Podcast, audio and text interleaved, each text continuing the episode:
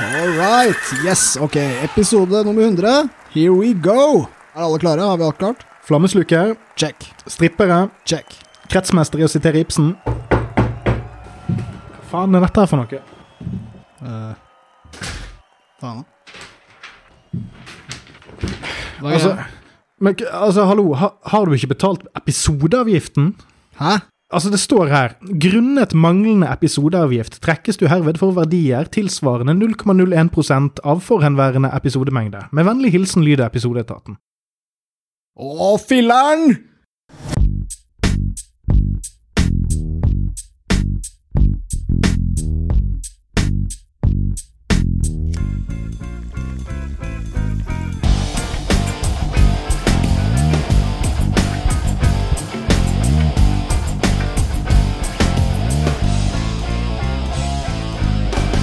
Yes, yes, yes, folkens. Velkommen til en ny episode av Podcast om rus. Jeg er deres jubileumsvert Bøffert Fusk. Jeg er deres restskattende vert, Per Ståle Honning. Ja, sånn går det når etatene fucker med oss, men hei, vi eh, skulle egentlig lage episode nummer 100, men vi respekterer ikke autoriteter anyways. Det gjelder også tall, ok? Så vi utsetter episode 100. Så dere gjøglere, dere kan bare komme dere ut nå. Ha det! Velkommen til episode 99,9. Det var det beste du kan få i Holmenkollen, ikke det? Jo, det er så vidt jeg vet. Ja, altså, jeg, jeg strøk i sport på videregående. jeg har vært på hopprenn, altså, men jeg husker ikke helt. Jeg, jeg, det høres jo høyt ut. Jeg har inntrykk av at det viktigste er å stille opp med pølse på termos, Ja, ja. og, som du skal putte i en vaffel. Uh, ja. Eller er det i Fredrikstad? Det er, ja, men nei. Nei, nei, nei, men altså, det viktigste er at du, du stiller med godt humør og pølse i termos. Ja, ja. Det er hopprenn. Og og så tror jeg egentlig ikke de har klart å avklare hva greien er. Det er bare gøy å se folk dødse utfor, Ja, utfor, en fjell, ut et fjell med to planker på beina. det er den villeste vintersporten. Og så tror jeg det viktigste med pølsa, det er bare at du drikker pølsevann etterpå, basically. Altså, er det en forutsetning? er, du skal ha den i buljong, skjønner du. Å ja. Så Deilig pølsevann som alle kan drikke. Jeg er, så, jeg er så jævlig glad at jeg er oppvokst på slo og, og pissregn, og ikke hva enn sånn kult dere har eh, blitt oppfostret i her borte på Østlandet. Godt å komme til Oslo, så kunne du bli litt skolert i de høyere klassers uh, fine tradisjoner. Du, du har liksom ikke levd før du har blitt pisset på med pølsevannrestene til en irsk setter oppi Holmenkollåsen. Rasehund. Uh, vi, vi er eh, vi, vi tar det rett og slett og slenger ut en liten episode, folkens, fordi vi, vi må forberede oss litt. ass. Eh, men vi har mye annet gøy å snakke om, så vi tenkte vi skulle ta litt eh, fokus på eh, lokalaviser og, og det som står der. Eh, og det er ikke bare lokal mor er livredd for kokain vi skal ta, uh, det kan bli litt av det òg. Men vi, det har vært et par leserinnlegg i det siste som rett og slett har vært såpass spinnville at vi skal vie litt tid til det. Ja, så vi eh, fokuserer rett og slett på norske lokalaviser. Og, og, og som kjent, altså, Norge er jo faktisk verdensmester i lokalavis. Det er jo ikke en eneste avis i Norge som egentlig kvalifiserer som noe annet enn lokalavis. Å, alle norske aviser er lokalaviser. Og ikke minst, eh, i den sammenheng må jo eh, Riksavisen Ringerikes Blad nevnes. Eh, for de som ikke vet det, så er Ringerike et sted som ligger nærmere Oslo enn du skulle tro. Der er det, de er ordentlig ute på landet, sier jeg, men det er ikke så langt å kjøre. Så der har man jo spennende, spenstige lokalskikkelser, blant annet Fredrik Rognskog, som har skrevet innlegget 'Venstres usaklige angrep på Senterungdommen'. Og det er jo veldig hyggelig når en eldre herre stiller opp for å forsvare ungdom.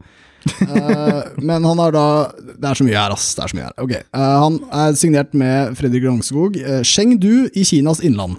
Det er på en måte tittelen hans. Som, som er en herlig, eh, ikke-kontekstuelt startpunkt for eh, et leserbrev. Umiddelbart så hensetter det meg til et sånt bilde av en mann som bare har Han, har levd livet, han reiser rundt, han har, han har vært i Mm. Afrikas jungel, han har, Han han, har stjålet gullskatter fra Eldorado. Og, og så gjennom en serie med uforutsette hendelser så har han nå endt opp i Østens rike, Chengdu, Kina. Og så slår han opp internett-datamaskinen sin og oppdager at noen har snakket stygt om senterungdommen. Og da, da rakner det. Denne jævla emigranten har i hvert fall ikke glemt røttene sine. Uh, han har eh, bodd i Hønefoss, han name-dropper Hønefoss i teksten, så jeg tror det er derfor redaksjonen ikke klarte å, å styre seg. Og det har de, de har virkelig klart å ikke ikke blande seg inn i teksten, for den er full av fucka tegnsetting, og ja, mye som kunne vært endra i redaksjonen. da. Ja, al altså, dette er jo et uh, avholdsinnlegg, men det som er så morsomt med avholdsinnlegg, er det at de ofte er de jeg ville Hvis du hadde tatt en sånn uh, blind sånn lineup, sånn som de gjør på TV, med sånn mistenkte lineup, mm. når du skal velge ut det, dette the perp. Så er det denne typen tegnsetting som ville vært det jeg ville gått for dersom jeg skulle prøve å finne ut hvem Makkastuk-jævelen som stjal sykkelen min, hadde skrevet. Ja, det er veldig sånn tekst. Ok, altså, uh, Bare for litt kontekst her. altså Dette er jo da en, en diskusjon om Senterungdommen, som har fremmet et forslag på landsstyret, uh, landsmøtet til uh, Senterpartiet, som ble vedtatt om at politiet da skal få mer rettigheter. Altså få tilbake, holdt på å si, eller det blir feil å si Få, få flere.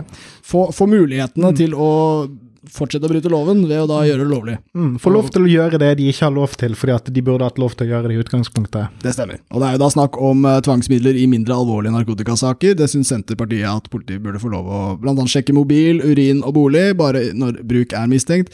De fikk da tilsvar fra Even Jacobsen, ordførerkandidat for Ringerike Venstre. Ser veldig ung ut for ordførerkandidat å være, men sånn er det på landet. Jo, men det er Unge Venstre, vet du. Ja, det er veldig unge. Uh, og han, uh, det, er, det, er, altså unge herr Jacobsen, når det skrives i teksten her, uh, så er det da han det refereres til. og jeg siterer nå igjen Fredrik Rognskog, og jeg vil understreke at dette er et innlegg fra 15. april 2023. um, Fem dager før 420. Ja, og, og, merk årstallet 2023, for dette kommer til å bli gøy, folkens. Jeg siterer. Du forteller oss 99,9% av befolkningen som ikke aksepterer dette, det er jo da hans forslag. Mm. Eh, at vi er kunnskapsløse. Unge herr Jacobsen, med all respekt for din alder, dine kunnskaper etc., så må du vite at du kan Det er masse kommaer her. At du ikke kan stikke innom en Aka eller Ikea-butikk og kjøpe en dobbeltpakke livserfaring. Jeg tror Aka er en veldig lokal butikkjede i Hønefoss. Okay. Og det er dagligvare. Uh, du, la meg google. Det er vel veldig gøy hvis den kjeden er lagt ned nå, og han har bare bodd i Kina for lenge eller noe. Så han tror Aka fins. Er det tilfellet? Det burde et Akab, syns jeg. Uh, på mitt søk så får jeg opp et hit fra uh, www.negreek.com. Uh, cute Aka paraphernalia gift and amp merchandise NL Greek. Som ikke ser, he ser helt sånn safe for work ut. Uh, eventuelt Aka Accessories, Roses Greek Boutique Inc. så Wow. Nei, jeg, jeg, vet ikke helt hva Aka skal være. Aka er en dagligvarekjede, men etter hva jeg ser på mine søk, så ser det ut som den er lagt ned for lengst. Og det gjør det bare mye, mye, morsommere. Litt sånn som Fina, som tidligere var en bensinstasjonkjede, ja, men som nå bare har blitt appropriert til å bli en ting som man kaller andre jenter på sin egen alder på Facebook-bildene ja. de poster. Å, så fina. Fina pena. Men ja, Man kan altså ikke kjøpe en dobbeltpakke livserfaring der. Um, den må tilegnes gjennom å leve Jeg siterer videre. Den må tilegnes gjennom å leve sammen med og være åpen for å lære av de eldre, og livserfaring er også livsnødvendig for å lære seg saklig diskusjon. Det er så røft. Uh, ja. Jeg liker at han òg legger opp til at du må være åpen for å lære av de eldre. Det, det, det, det er ikke for å lære av folk rundt deg, det er de eldre. Ja. Men altså, det, det, det, For en ride dette innlegget er. For en fucking ride. Altså, han fortsetter med litt sånn egen livshistorie. Da jeg kom til Hønefoss 1974, hadde jeg ti års erfaring som bestyrer på kommunens rusanstalt i Stockholm. Avdelingsleder for 70 unge kriminelle misbrukere på statens anstalt. Igjen, dette er 2023. Ja, altså, det betyr jo at han da var myndig i 1964. Er han 150 år? Ja, altså, altså om, om, han i beste fall var 20, så er han jo da nærmere 80 år gammel. Ja. Ja, det, det, må vi jo nesten legge til grunn her. Det skal han ha. Eller altså 75 minimum. Ja. Uh, Ut ifra Altså nå, igjen, det er ikke podkast om matte, dette her, men uh, Nei, det er det helt klart ikke. Uh, men ja, ok, bare videre. Dette er så vilt. Ok, Han var altså i Stockholm, og, og her skriver han uh, Stockholm ble jeg blant annet Det står bare Stockholm, by the way. Stockholm ble jeg blant annet kjent med professor Nils Beierot, anerkjent forsker og leder for FNs narkotikakommisjon. Av han lærte jeg mye, ikke minst såkalt uh, forskning vedrørende både alkohol og narkotika, ofte er kjøpt og betalt. Eh, videre sitat. I denne bransjen i anførselstegn, er det aldri manko på dollar, noe som har ført til mange hinsides grusomme anførselstegn, forskningsresultater. Uh, Nils Beirot er opphavsmannen bak Sveriges forferdelige ruspolitikk. Han er mannen som mente at eh, rusavhengighet smitter sånn som forkjølelse. At hvis du setter deg ved siden av en junkie på benken, så kan du få hasjsuge av det. Eh, han eh, ledet narkotikakommisjonen til FN, som satte FN på det grusomme narkokrigssporet vi er. Og han er mannen bak begrepet Stockholm-syndromet. som òg har blitt tilbakebevist av nyere forskning. Ja, ja hva, hva er greia der?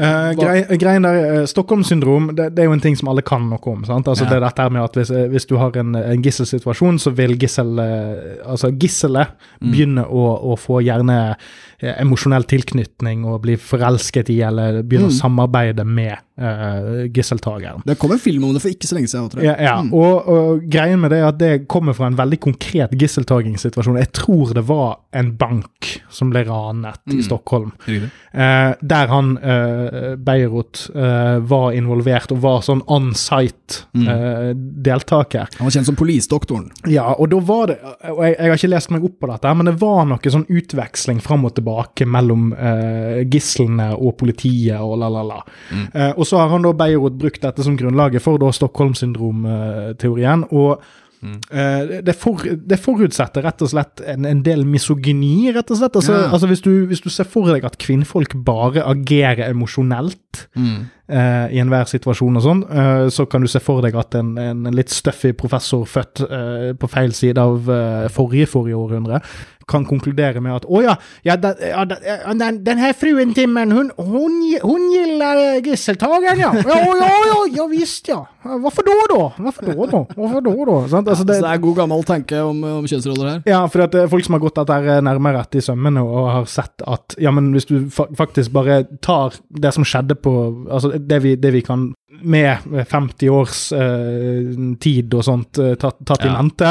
Hvis du bare ser på vitnesbyrd og sånn, så er det sånn OK, det beviset vi har for at disse her har blitt emosjonelt forelsket i sine gisseltagere osv., er helt irrasjonelt eh, å trekke. Mm. De har agert ganske Ganske sånn overlevelsesmekanismemessig helt i tråd med enhver annen ting vi kan observere i mennesket. Så, så, det, så, det, er ingenting med, med, dette her som egentlig tyder på at det er noe spesifikt for gisselsituasjonene, eller at, at, at, det er en egen psykologi i spill der, nødvendigvis. Det er overlevelsesinstinktet kicker inn, og det kan gjøre, gjøres i mange ulike ja. felt. liksom. Så i likhet med resten av Beirots arv, så var dette bare fucking bullshit. Og i dag, så er, sånn, i rusforskningen i dag, så er det meste av hans teorier, for å da si 99,999 uh, lagt helt til side.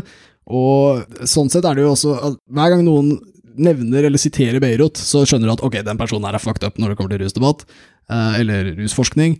Og her er det ikke bare siterer han Beirut, men han, han sier jeg, jeg, møtte han, altså name-dropperen som jeg, min homie Nils Beirut. og jeg, dette, Han døde jo på 80-tallet, så for mm. meg er dette en tidskapsel som er jævlig weird.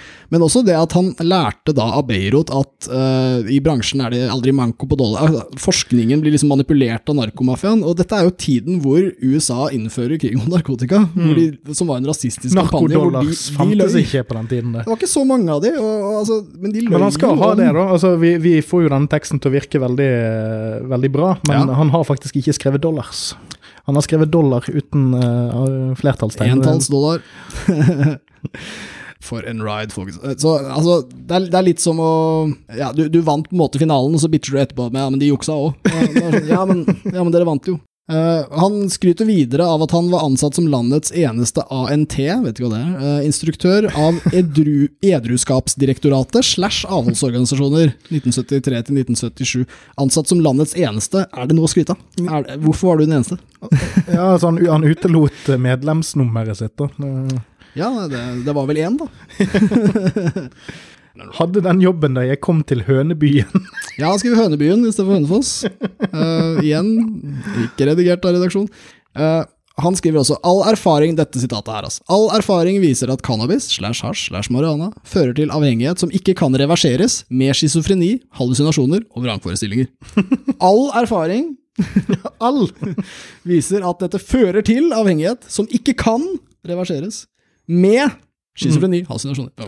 Det, det viser all erfaring alle har med hasj. Fordi i det avsnittet vi er i nå, så syns jeg at dette Altså, det starter jo med dette her med at uh, schizofreni og sånt altså, All erfaring viser at cannabis, hasj, marihuana fører til avhengighet. Ingen erfaring viser noe annet. Ja, det går rett til helvete. Og så avslutter han den, denne, dette avsnittet med Selv fikk jeg en jaktkniv på strupen av gutta vi hadde skaffet, hermetegn, et sted å være, og så videre, punktum. I rusen var all hjelp de hadde fått, glemt.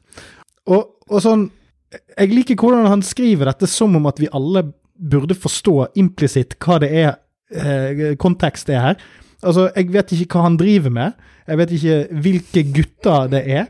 Og hvor er dette stedet å være, som han sjøl har puttet inn i hermetegn? Et sted å være. Ja, har dere puttet de i fengsel? Har dere tvangsinnlagt de? Har dere Altså, hvor er du henne? Både geografisk og institusjonelt. altså, i rusen var all hjelp de hadde fått, glemt. Altså, ja, ja men Kontekst! ja, men du har ikke livserfaringen, vet du. Ellers hadde du skjønt det. Tydelig. Nei, jeg, jeg, har ikke vært ute i de svenske skogene og fått en kniv på strupen fordi at jeg har skaffet noen et sted å være. Det har jeg ikke. Han har, han har levd, han mannen her. Altså. Han har sett alt. Og så er det, selvfølgelig har han også bodd i Sør-Amerika. Der ser man jo grusomme ting med narkosen. Og det er eh, Snakke litt videre om det. Vi tar, forholder oss til siste del av avsnittet her. Eh, sitat, Det skjer inne i fengslene som er overfylte av medlemmer av de konkurrerende bandene, mange blir halshugget, og utenfor fengselet står mødre med plakater 'Quiero la cabeza de mi hio'. Jeg vil ha min sønns hode. Da har de fått utlevert en kropp uten hode! utropstegn. Husk at alle norske narkoliberale er medskyldige i dette! What the fuck? For et scenario! Ja, altså Ja, nei Altså, det er jo liksom det der eh, det, det, er jo the crazy man's gambit, dette her. Det er jo det at når du først har skrevet den setningen der, og, og, og lagt det til grunn for videre debatt, mm. så finnes det jo absolutt ingen måte å engasjere seg med det på der du ikke blir en taper. det er jo dette her eh, gode gamle etoset eh, Don't argue with idiots on the internet. Ja. they'll, they'll, drag you down and beat you with experience. Mm.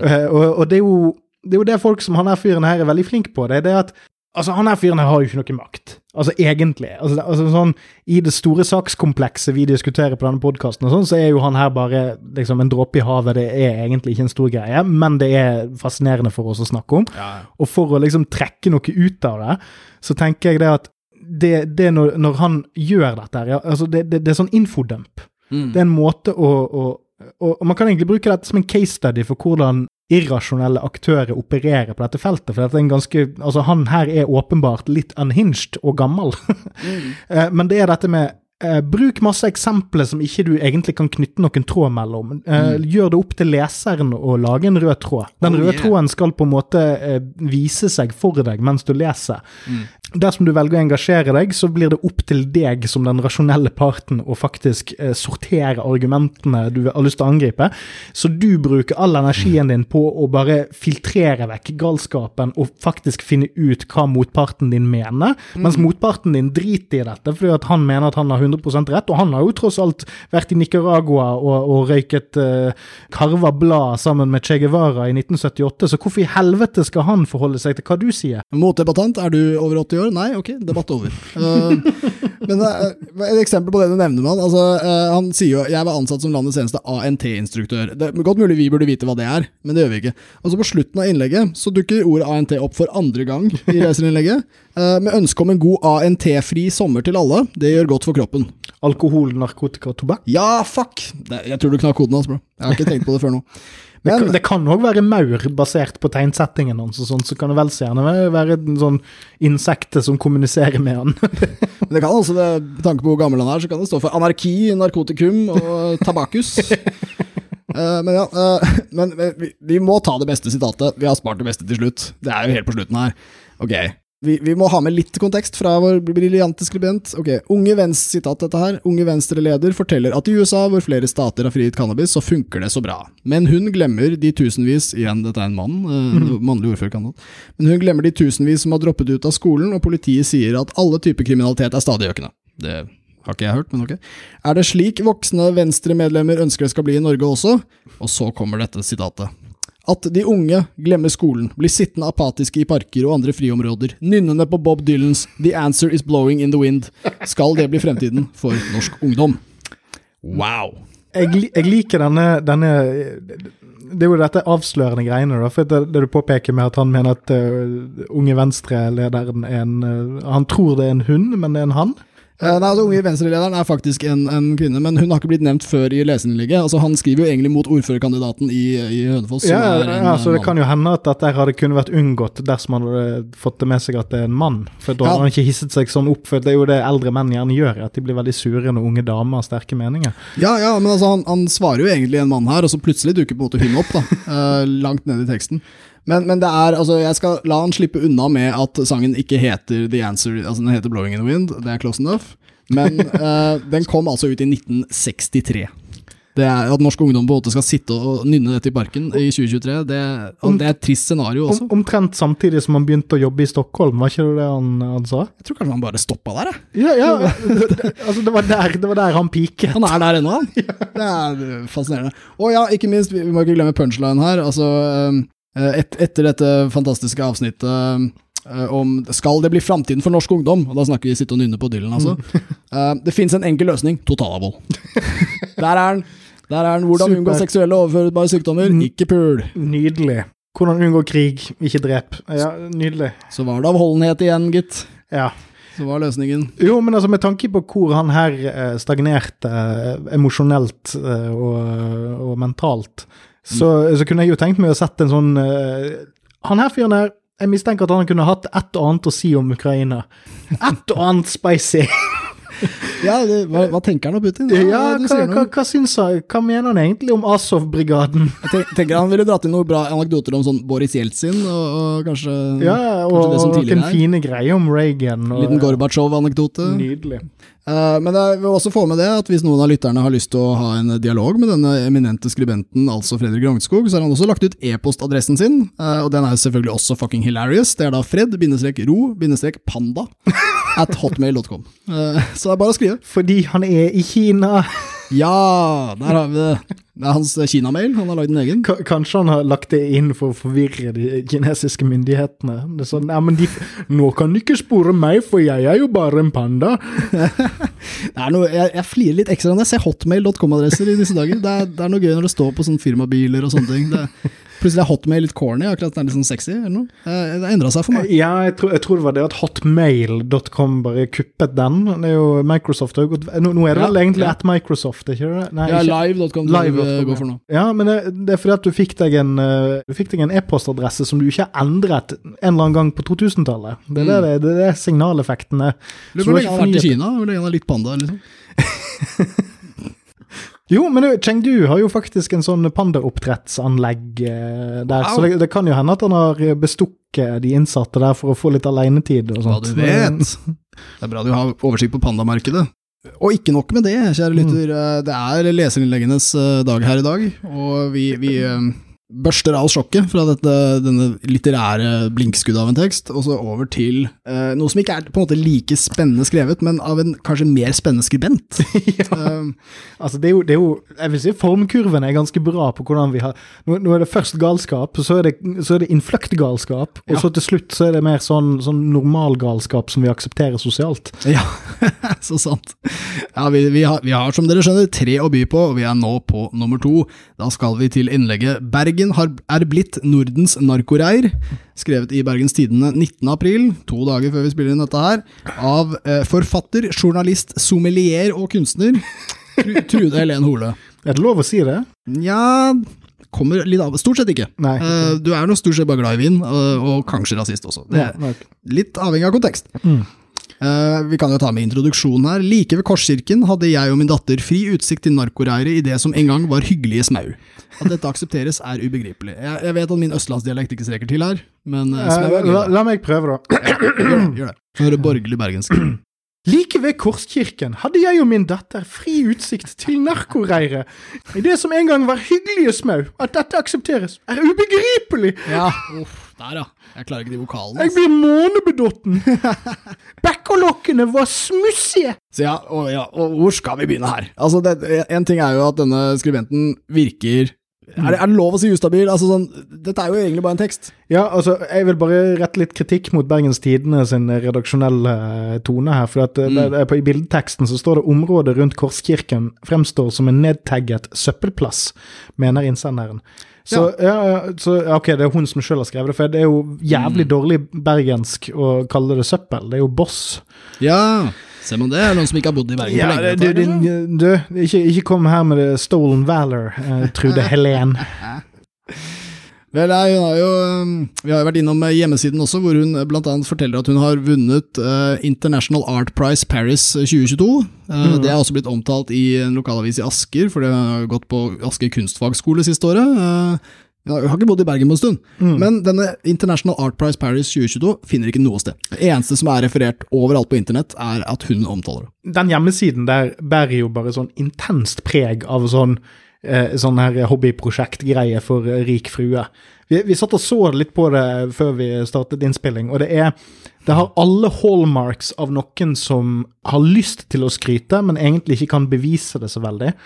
Det er nok mulig å spore noen av de sitatene hun har lagt ut der, men vi klarte det ikke. Uh, Sjøl de tingene fra Dagsavisen og sånn.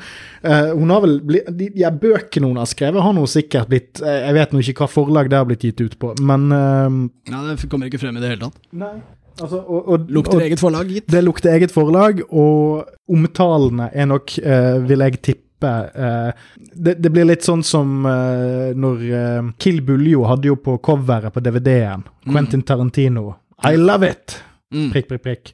Og, og det var jo et sitat med at noen bare hadde gitt han en DVD med Kill Buljo i nevene og sagt dette er en parodi på Kill Bill fra Norge med same, og så sa han I love it! Så han hadde ikke sett filmen når han sa det sitatet, sant? og det, det, det, det bærer preg Dette preget dominerer denne hjemme, hjemmesiden hennes. Mm. Se, nå har jeg rota meg litt langt inn i kunsten hennes, som stort sett består av veldig dårlig maleri av Che Guevara, for eksempel. Eh, litt sånn basic stuff. Veldig vanskelig å se for at hun har kanskje liksom blitt uh, premiert for kunst. Det, det lukter koneemne av dette her. Ja, ja, ja. Det- det bare, ikke- bare fri. Den, altså, og, og? Jeg vet at jeg høres litt gubbete ut når jeg sier det, men det, det er noen mennesker som bare oser 'jeg jobber ikke'. Jeg prøver å være grei, men det er, det er ikke lett. Jo, jo, men sant, altså, jeg, jeg tror det er sunt at vi har litt sånn begrensninger for når vi henter fram dette skytset. Altså, det, det er bra at vi som menn ikke liksom antar at enhver kvinne som sier noe dumt, er virkelighetsfjern fjott, men her, her bare peker alt i den retningen. Dette er ikke misogyni, folkens. Dette er noe mer, altså.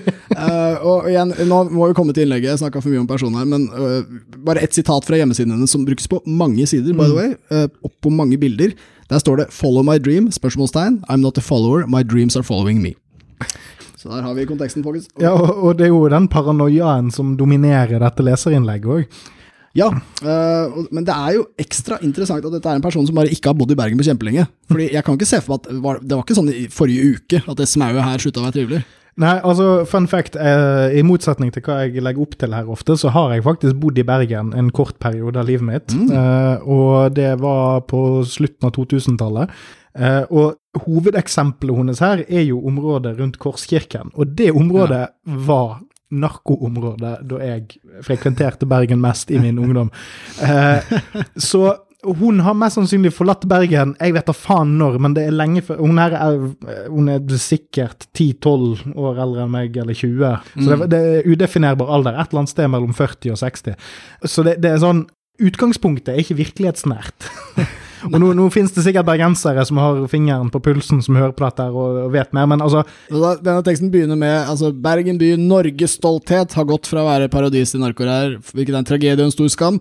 Så legger forfatteren ut om at hun som bergenser, forfatter og journalist, har skrevet mange artikler om Bergen hvor hun skryter av ja, beliggenheten mellom hav og fjell, idylliske brosteinsbelagte gater, trange smau, unik historie, historiske bygg. Men- Patos, patos, Å, å, patos! det er så mye av det. Og jeg, jeg drukner i patos. Men er, hun har ikke lenger lyst til å anbefale folk å reise til Bergen, fordi hun da har vært på tur i påsken. uh, og hun skriver også at i 2023 var planen å flytte hjem til Bergen etter flere tiår i utlandet. Og på Og Østlandet. på Østlandet. det må være med det. Jeg leser det som uh, ett semester i Paris, Mm. flere tiår på Østlandet. Ja, det, det, det, det er samme perioden. Men hun har altså ikke lyst til å flytte tilbake lenger, hun nå, etter å ha sett hvordan det er, går i byen hun forlot, uh, og stiller krav til. Og fordi hun har skrytt av det, så går jo på hennes uh, renommé løs, dette her. Eh, ja, og så fortsetter teksten videre med at hun og datteren hadde da booka hotell i byens skitneste strøk, og ble helt sjokkert over at utsikten ikke var pen. ja, pussig det der. Um, det så, de så åpenlys narkotikahandel der heroin og annen dritt skifter hender. Fra tidlig morgen til sen kveld er det åpenlys narkotikahandel her i Vågsbunnen. Der, hun skriver også at der løses uenigheter med trusler, rop og skrik, samt tyveri og åpenlys vold. Også turister og forbipasserende får unngjelde. Hvordan ble det slik? Vel, sosial nød i samfunnet er et komplisert fenomen. Uh, urbanitet har en urbane sentrum har en tendens til å tiltrekke seg. Og, og, jeg tror ikke du er interessert i det. Og vet du hva, det området der Nå skal jeg bare si, det området der Bergen er pitte, pitte, pitte, pitte, pitte, pitte, pitte lite, apropos lokalavis. Uh, og Oslo er òg bitte lite, men Bergen er dobbelt så bitte lite som Oslo. Lokalavisen Bergens Tidende. Uh, og det området der er veldig kloss i ja, Bryggen og, og Torgallmenningen. Altså det, det, er gjennomtrekk der. Det er en del utesteder nært ved, og alle de tingene hun skisserer her, er ting du kan høre Altså Hvis hun sjekket inn der og la merke til noen narkomane på gaten når hun sjekket inn på en fredag eller en torsdag, og så ligger hun der i påsken og hører på påskefylla ja, som ja. renner gjennom påskeheroinen. Disse usmussede sjarlatanene og bavianene kommer løpende gjennom gatene. Så, så, hva, hva, er det? Trusler, rop og skrik, altså, samt tyveri og åpenlys. Altså, altså, hadde dette her vært noe hun faktisk hadde observert mm. utenom, altså, jeg ser for meg, Hun har hørt masse drit utenfor, utenfor vinduet sitt. Da har hun sikkert hørt masse roping og hoiing og fyll. Ja. Men hadde det vært noe konkret, så hadde hun skrevet det, sant? Selvfølgelig. Så dette er jo bare eh, inntrykk, alt sammen. Mm. Uh, og så skriver hun jo videre selvfølgelig om Bryggen, som er byens største uh, turistattraksjon. Ligger altså middelalderkirken Korskirken, som har overlevd mye i sitt snart tusenårige mm. liv. Mm. Men her kommer et sitat som jeg vitner om. Det er sånn, ok, det er en forfatter som har skrevet det her, ass. Mm. Kirken overlever nok narkotika også, men gjør Bergen det? Det er noe å tenke på.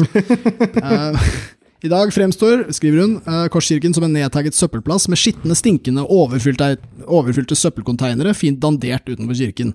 Det er en fin måte å sammenligne folks sosiale problemer med, med søppelet som mm. ligger der.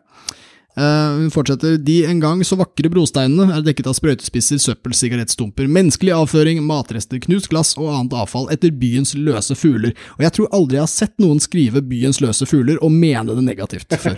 Jeg tror, jeg tror, det har stort sett dukket opp i sånn herre eh, Man prøver å være grei når man skal beskrive slitne folk. Uh, de løse fuglene i byen. Men hun bruker det som de som bæsjer i gata, liksom. det er faen meg det. Byens løse fugler. Ja, ekle fugler som bæsjer. de prostituerte bare driter gatelangs. det er det de gjør.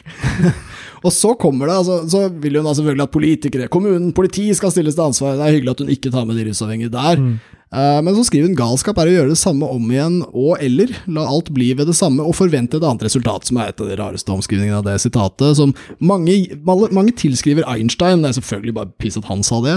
Uh, men det som er stille her, er at man, det er en ting man sier når man vil ha ny ruspolitikk. Det, mm. det er en ting man sier når man vil ha en ny uh, kursendring. Da. Og hun vil jo rett og slett ikke det. Hun vil jo slå hardt ned på den dritten her. Ja, ja. Så hun vil ha mer av det samme, så hun skriver under på sin egen galskap, da. Og så er det, ja, knyttet til basically, altså, Man kommer liksom innom her at sosialpolitikken i byen har vært dårlig, men, mm. og hun vil jo ikke at vi skal gjøre det samme som før. Mm. Hun, hun skriver at det er galskap å tro at kriminalitet og narkotikaomsetning, som er økende, hevder hun, eh, skal reverseres og forsvinne av seg selv. Det gjør det nemlig ikke. Og det er her, her jeg venter på en sånn, og derfor rusreform, og derfor liberalisme. Eh, men nei da, nei, vi skal slå hardt som faen ned på den dritten her. Det er det de har gjort. Mm. Mens du var uh, flere tiår i utlandet og på Østlandet. Alle disse landene. Ja, sant? Og så driver hun og, og, og trekker inn sånn her uh, Nygårdsparken. Hun ja. skriver Nygårdsparken, som lenge var kjent som Nord-Europas største åpne russcene, ble stengt, og russcenen forflyttet seg til andre, steder, andre siden av Puddefjordsbroen, nærmere bestemt Gylenpris og Bergen sentrum. Skal narkotika være Bergens nye turistattraksjon? Ja, men så, altså, klar, altså, ok, Så det hun skisserer her, er jo at ok, de burde ikke jaget alle knarkerne ut av Nygårdsparken. Det er det jeg også tenker, og En forfatters jobb er å uttrykke seg selv veldig tydelig. ikke sant? Var hun for eller mot det? Ja, Og, og, og dette stemmer jo ikke heller, for da jeg bodde i Bergen, så var Nygårdsparken den åpne russcenen, og da var det òg narkomane. var ikke koselig smau der? Nei. Det, det, det, dette, sant? Altså, så, så ja jeg skal, jeg skal, gjerne gå med på at ting har endret seg siden jeg var der, og at det der å, å, å rehabilitere Nygårdsparken ikke har Altså Det er litt tilsvarende som har skjedd her i Oslo. sant? Altså De fikk de vekk fra plater, så dyttet de Man har fått nye russcene og alt det der. Mm. Jeg, har fulgt, jeg, har ikke fulgt med på dette, så det er helt greit at det kan hende at det er ting hun skisserer som er nytt, men, men det har vært knarkere over hele fuckings Bergen så lenge jeg kan huske, og, og rundt alle, alle hotspotsene Alle steder du som eh, en, en, en, eh, en sur eh, kulturdame som er opptatt av å bevare renheten til institusjonen du skal bevare, som er Bergen, alle stedene er besmutset. fordi at med en gang du har narkomane, de kommer til å trekke seg til de stedene der folk har penger. Det er rart med det. det er nesten, skulle nesten tro hun ikke hadde vært i byen på flere tiår. Eh, men det hun på en måte skisserer, at hun ønsker jo selvfølgelig da at eh, kommune, politikere og politi stilles til ansvar. ikke sant? Det, igjen, det brygger vi opp til en sånn derre eh, her blir det spennende hva som foreslås av løsninger, og da kommer vi til narkoreirer i Bergen sentrum må brytes opp, politiet må patruljere daglig, de kriminelle langerne må fengsles, og narkotiske stoffer må fjernes fra gatene. Det er hennes forslag. Kjempebra. Endringer må kreves nå, for en ny turistsommer står for døren. Dette handler om Bergens by og stolthet, dette er siste del, og våre barns fremtid. At ingen gjør noe som helst for å fjerne narkoreiret ved Korskirken er bare dypt tragisk. Så her har vi altså en eh, bemidlet eh, person, som ikke har bodd i byen på kjempelenge, eh, som kommer tilbake til byen og klager på at de har gjort akkurat det hun vil. Eh, Og resultatene er så stygge, de, er så vonde å se på, eh, at hun krever at de gjør mer av det. Så dette er på en måte dette er, Slavene skriker så høyt når jeg pisker dem. Jeg, jeg, jeg liker ikke det. Den lyden er så plagsom. Og, og det må de gjøre nå, mellom, mellom april og juni. ja, ja, for nå kommer turistene snart. Herregud, må rydde opp. Ved å slå hardt ned. Ja, og turisten, turistene fra verdensmetropolene London, Paris og, og, og Berlin, de, de har aldri sett maken. Nei, de vil jo aldri ha sett lignende. Åpne russcene, det har vi jo virkelig ikke i disse byene De her. har aldri vært i en ordentlig by før, de. Um, er ikke en, by på, to, på en, en kvart million innbyggere som er obstanasi opptatt av et fotballag som aldri vinner. Ja, nei, og jeg, jeg, har, jeg har lyst til å ta inn en kontrast til det forrige innlegget vi snakket om, som også var et, et litterært kunstverk, absolutt. Uh, men der, der var det litt sånn Der var det mye tegnsettingsfeil, referanser ingen skjønte. Der, der burde Ringerikes Blad rett og slett ha gått inn med en litt sånn aktiv redaktørpenn.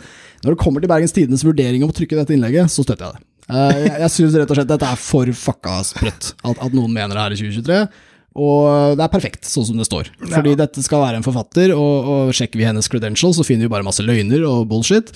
Og hun skriver kjempedårlig og tenker som en femåring. Ja, men, men jeg tenker jo også da at eh, man griper jo inn mot folk som driver med selvskading. Sant? Og eh, dette her er jo ganske close på mental selvskading, det hun her driver med. Det virker vondt. Det virker vanskelig. Ja, og, og det er liksom sånn eh, du, du kjenner liksom at dette er en person som er sånn eh, Hvis du utsetter denne personen for, de, for uh, kritikken dette her kommer til å åpne henne for, så blir ikke det så behagelig. det kommer til å bli veldig ubehagelig å forholde seg til.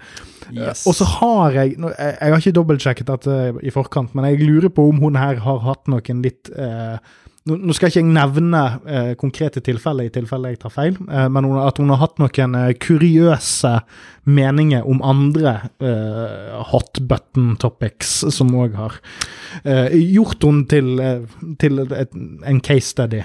Så Skal ikke se bort fra det. la, la, oss, la oss følge med på hun her fremover. Hun kommer til å bli noe stort. Absolutt. Og jeg må også bare ta for alle lytterne som nå tenker ja, men Bergen er Norges nest største by, de er selvfølgelig siviliserte, og det mener jeg de er. Masse smarte folk i Bergen. Bergen. Bergens Tidende er også en god avis, skriver veldig gode narkoliberale ledere. Man skulle jo tro at eh, leserne deres var uh, urbane byfolk, sånn som man skal forvente. Shout-out til Morten Myksvold. Shout-out til Myksvold. Eh, Det er derfor det er så greit å gå inn i kommentarfeltet her og trykke på populære for å få de øverste opp. Og Der har vi da to uh, stykker som har over 200 upvotes. Uh, begge innleggene begynner, ene begynner med 100 enig, uh, andre begynner med helt enig. Så der har vi det. Der er det altså bergensere som og Ellers er dette kommentarfeltet en ride i seg selv, skal ikke gå for mye inn på det, men her kommer vi inn på både parkeringsplasser, eh, strømavtaler, EU eh, altså Det er veldig mye som omtales her. Bompenger. La oss, la oss heller ikke glemme gatene, EU. La oss, eh, la oss heller ikke glemme Bybanen. Skal den over Bryggen? Ja, det er på tide å ta en liten bybanedebatt her, altså. Det, ja, det er fascinerende. Altså, det, er, det er flere innlegg som er smarte også, for all del, men, men dette bildet som tegnes av Bergen, både av teksten og responsen, er ja, faktisk Ja, og, og, og jeg vil jo si, altså, hun, hun bør jo tenke seg altså, Det kan jo hende at bare Bybanen over Bryggen vil løse alt dette. Du kan, du kan jo ikke sende alle de narkomane opp til Sandviken, der de hører hjemme. En egen narkobybane, en egen Ja, sånn, eh, junkietransport. Vi har verdens beste narkobane. Verdens beste. Så skal Piddien stå der og spille gitar. Fra Florida til Bontelabo så skal Piddien spille gitar. Det skal være nystemten baklengs! Spiller sa, sa, sa, sa, sa, sa. Det er den jeg liker i Bergen. Nei, så det er, eh, det er gode tider i, i media. Um, jeg, jeg, føler kanskje det vi får en liten smak av her, det er på en måte Fordi før, før var det veldig få leser... Vi går 20 år tilbake, jævlig få leserinnlegg i det hele tatt om mm. narkotika. Og hvis det var det, så var det, det var ille, få det bort. Men så begynte det å bli litt mer nyansert, og politikere fra venstre og andre begynte å spille inn. Og nå er, nå er det folkets røst som på en mm. måte begynner å bli varm i trøya når det kommer til narkosaker. Eh, begynner å få fram litt forskjellige sider, rett og slett. Så jeg syns det er spennende tider i media, fordi selv om de sier det samme dritten som de alltid har gjort, og siterer Bob Dylan fra 1963, så er det, så er det nye tider, da. Vi får liksom litt mer av tankene deres nå. Og ikke minst eh, Norges beste forfatter, journalist, sommelier og kunstner. Ja, ikke sant? Det er sånn, det er sånn du, alle, uh, Best i alt. Det, det, dette er litt basert på det hun skrev på hjemmesiden sin igjen. Vi ja, kan bruke ja. det som en avslutning, men ja. dette kan jo dere ta med dere, kjære lyttere. Det er jo det at Uh, dette er parafrasert, men hun, det er et av sitatene på hjemmesiden som er noe sånn som at Trude Helen Hole er verdens beste, eller Norges beste forfatter, journalist, sommelier og kunstner. Mm. Og, og det, det, vi kan ta med oss derifra, er at du, du kan bli verdens beste hva som helst, bare finn akkurat din nisje. Jeg er Norges mest sexy podcaster, Manowar-fan og Ninja Turtles-entusiast. Det er du. Hvis noen andre melder seg frivillig til den konkurransen der, så er jeg ganske sexy. Og jeg, jeg, jeg, jeg, har selvtilliten til å hevde det allerede nå. Du er også nominert til uh, Buffert International Podcaster Host of the Year Awards uh, 2023. Så ja, det kan du også jeg, tenker, jeg, har snakket litt med dommeren, jeg tror jeg er en shoe-in.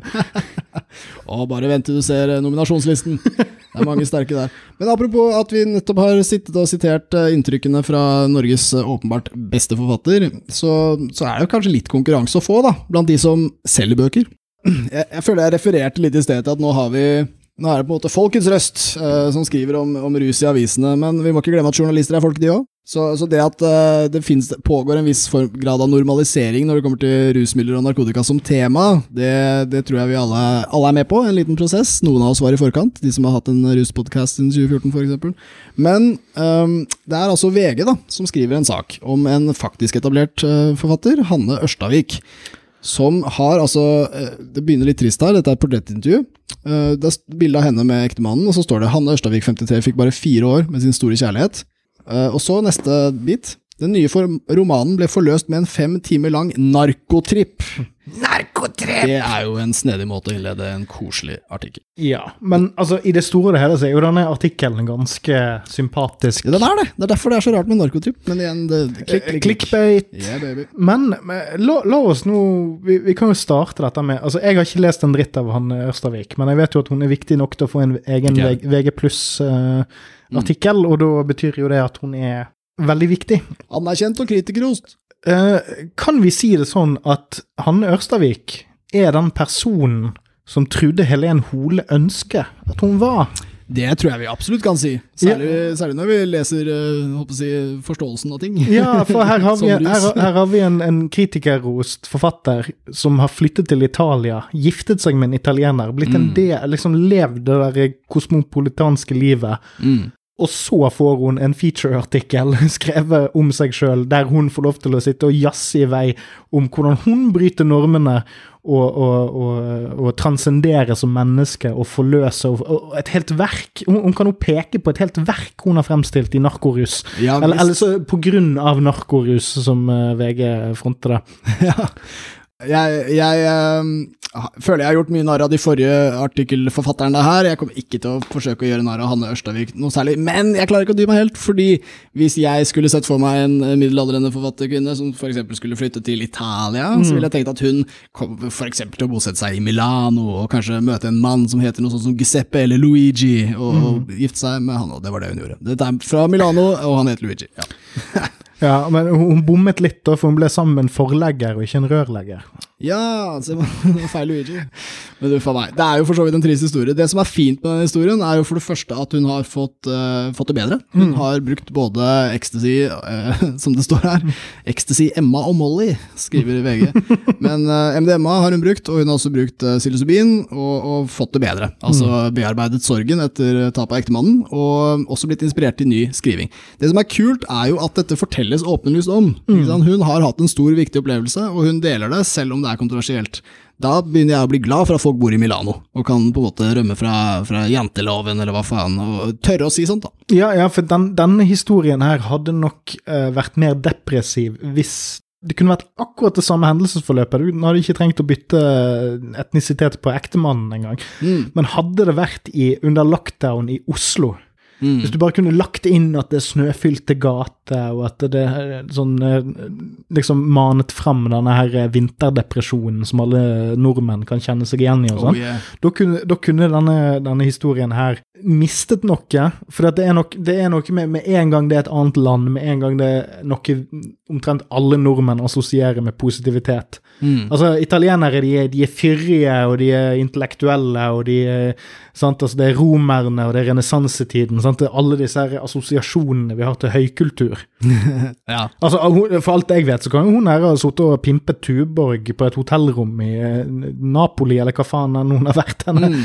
Eh, Altså, hun kan ha levd tidenes mest skittige liv i Italia, men med Ja. en gang du bare sier eh, Italia, møtes på kafé, Luigi Mm. Kan hende at Luigi For- var en rørlegger, for alt vi vet. Ja.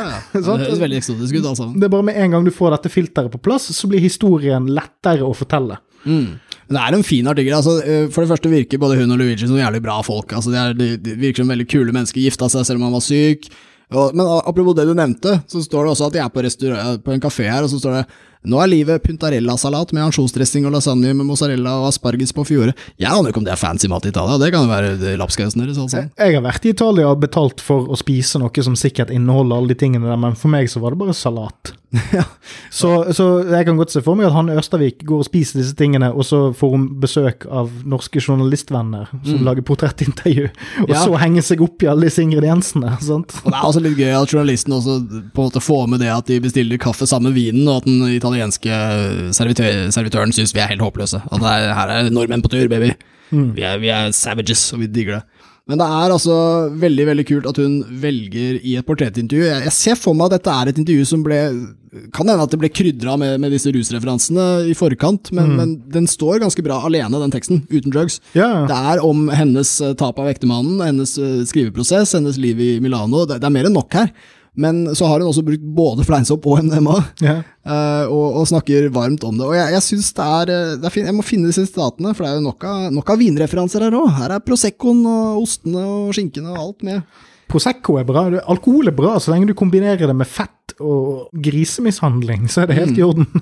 Men er, for, for oss som er litt sånn rusnerder, så er jo dette en drømmetekst. Altså, hun, hun skriver blant annet at hun var glad i å drikke, og hei, når du bor i Italia, why not? Men, eh, When in Rome. When in Rome or Milan.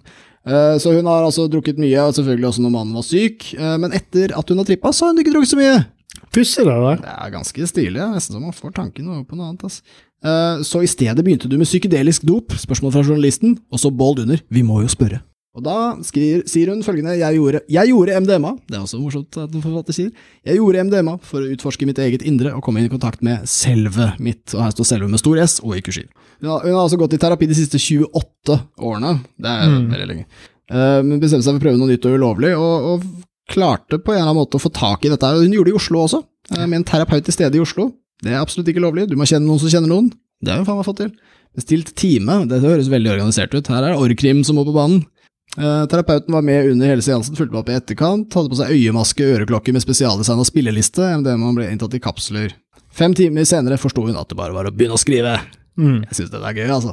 Det er, også, må, det er flere ting i artikkelen som er spennende. Altså, hun øh, forteller jo om at hun Måten hun beskriver MDMA-trippen, er at hun liksom ligger med bind for øya. og sånn. Det er med, noe jeg ellers assosierer med syk, altså sopp og, og Mm. mer krevende substanser. Men hun hadde jo da gjort en analyse, altså hele romanen hadde Hun hadde sett hvordan den var forbundet på dybdenivå. Uh, hun beskriver psykedelika som et dialogverktøy som kan få deg til å se deg selv og verden på en annen måte. Eh, og så er det gøy å se hvordan journalisten sliter med altså sånn, Det er gøy å være ung, hipp journalist som vet hva dop er og sånn, men du må huske at de representerer VG, som er en ganske narkokonservativ avis.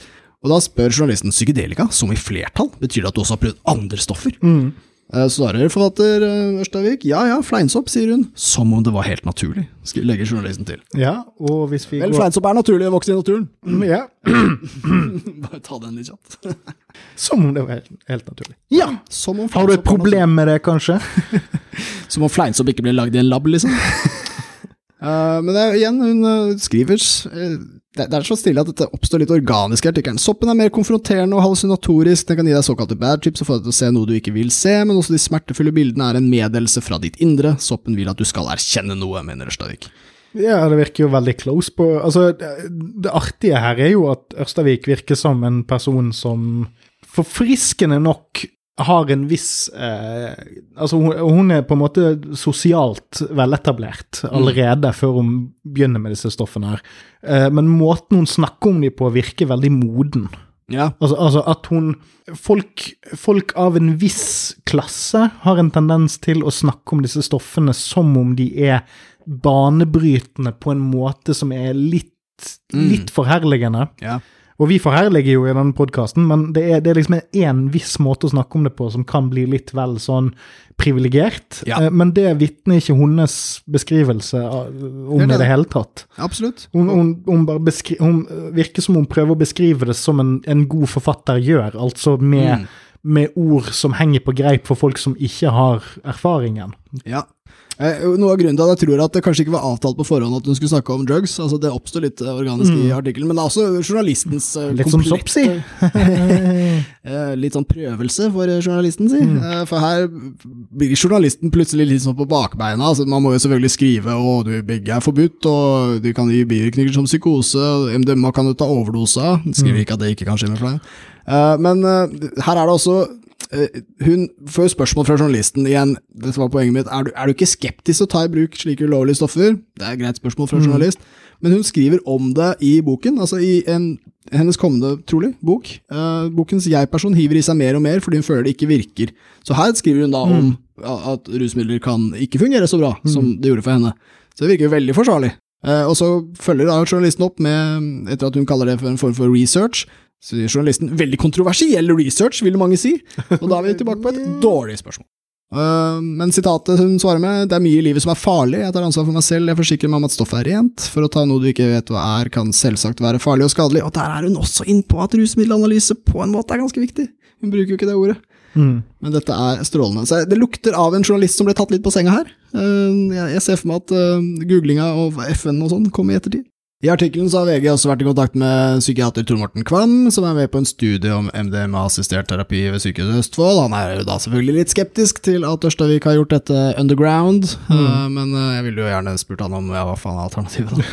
Hvem faen er du? ja, Kvam. Men uh, han opplyser også om at MDMA-assistert terapi blir godkjent i USA i løpet av året, men som en god lege så sier han selvfølgelig ja, vi må forske mye mer før vi kan anbefale noe som helst. Uh, men Ørstavik, uh, det som er interessant, vi avslutter med hennes beskrivelse av rusen, og det er her det rett og slett går over i ganske dopforherligende. Mm. og det, det, har jeg på en måte respekt for, selv om hun går lenger enn vi gjør i vår podkast. Mm. Vi ville ikke sagt det hun gjør. Men hun sier altså MDMA lot meg for første gang i livet som 52-åring kjenne meg trygg. Det er jo et kvantesprang av en erfaring, og det satte i gang dype forandringsprosesser. Men det er viktig å si, det kan være andre faktorer som har bidratt til å speede opp prosessen. Bra ordvalg. Mm. Den sterke sorgen etter Luigi, alderen min, jeg kan ikke vite sikkert, jeg vet bare at mye har snudd for meg, verden har fått bunn. Ørstavik forteller at hun fikk følgende beskjed under MDMA-trippen, kjærlighetens sted er alltid hellig. Jeg, jeg, må si, altså, vet du hva, jeg, jeg gleder meg over å høre norske forfattere, og da mener jeg de gode, ikke de som klager på bæsj i smau i Bergen, eh, men, men, de som faktisk eh, vet å bruke språkets makt, som faktisk skildrer disse tingene. Mm. Fordi jeg er en av de menneskene som tror MDMA-terapi har veldig mye for seg, og jeg tror mange kan få det bedre. Det betyr ikke at jeg anbefaler det, men jeg er ikke like konservativ som Kvam fra Sykehuset Østfold. Derfor synes jeg det er veldig fint å lese dette her. Og, og det, det, hvorfor skal dette være en sånn ungdomsting? Hvorfor skal dette være en partyting? Klart det er for damer over 50 i Milano som sørger. Hvorfor ikke? der tror jeg eh, mye av nøkkelen til hvorfor dette er en bra sak, mm. uh, er. Og det er det at Ørstavik hun snakker til et helt annet publikum enn det vi snakker til, yep. og det skribente snakker til, bla, bla, bla. Det er titusenvis av middelaldrende vintanter som kommer til å lese dette her ja. og plukke opp et og annet. Mm. Og det er sånn frøene sås.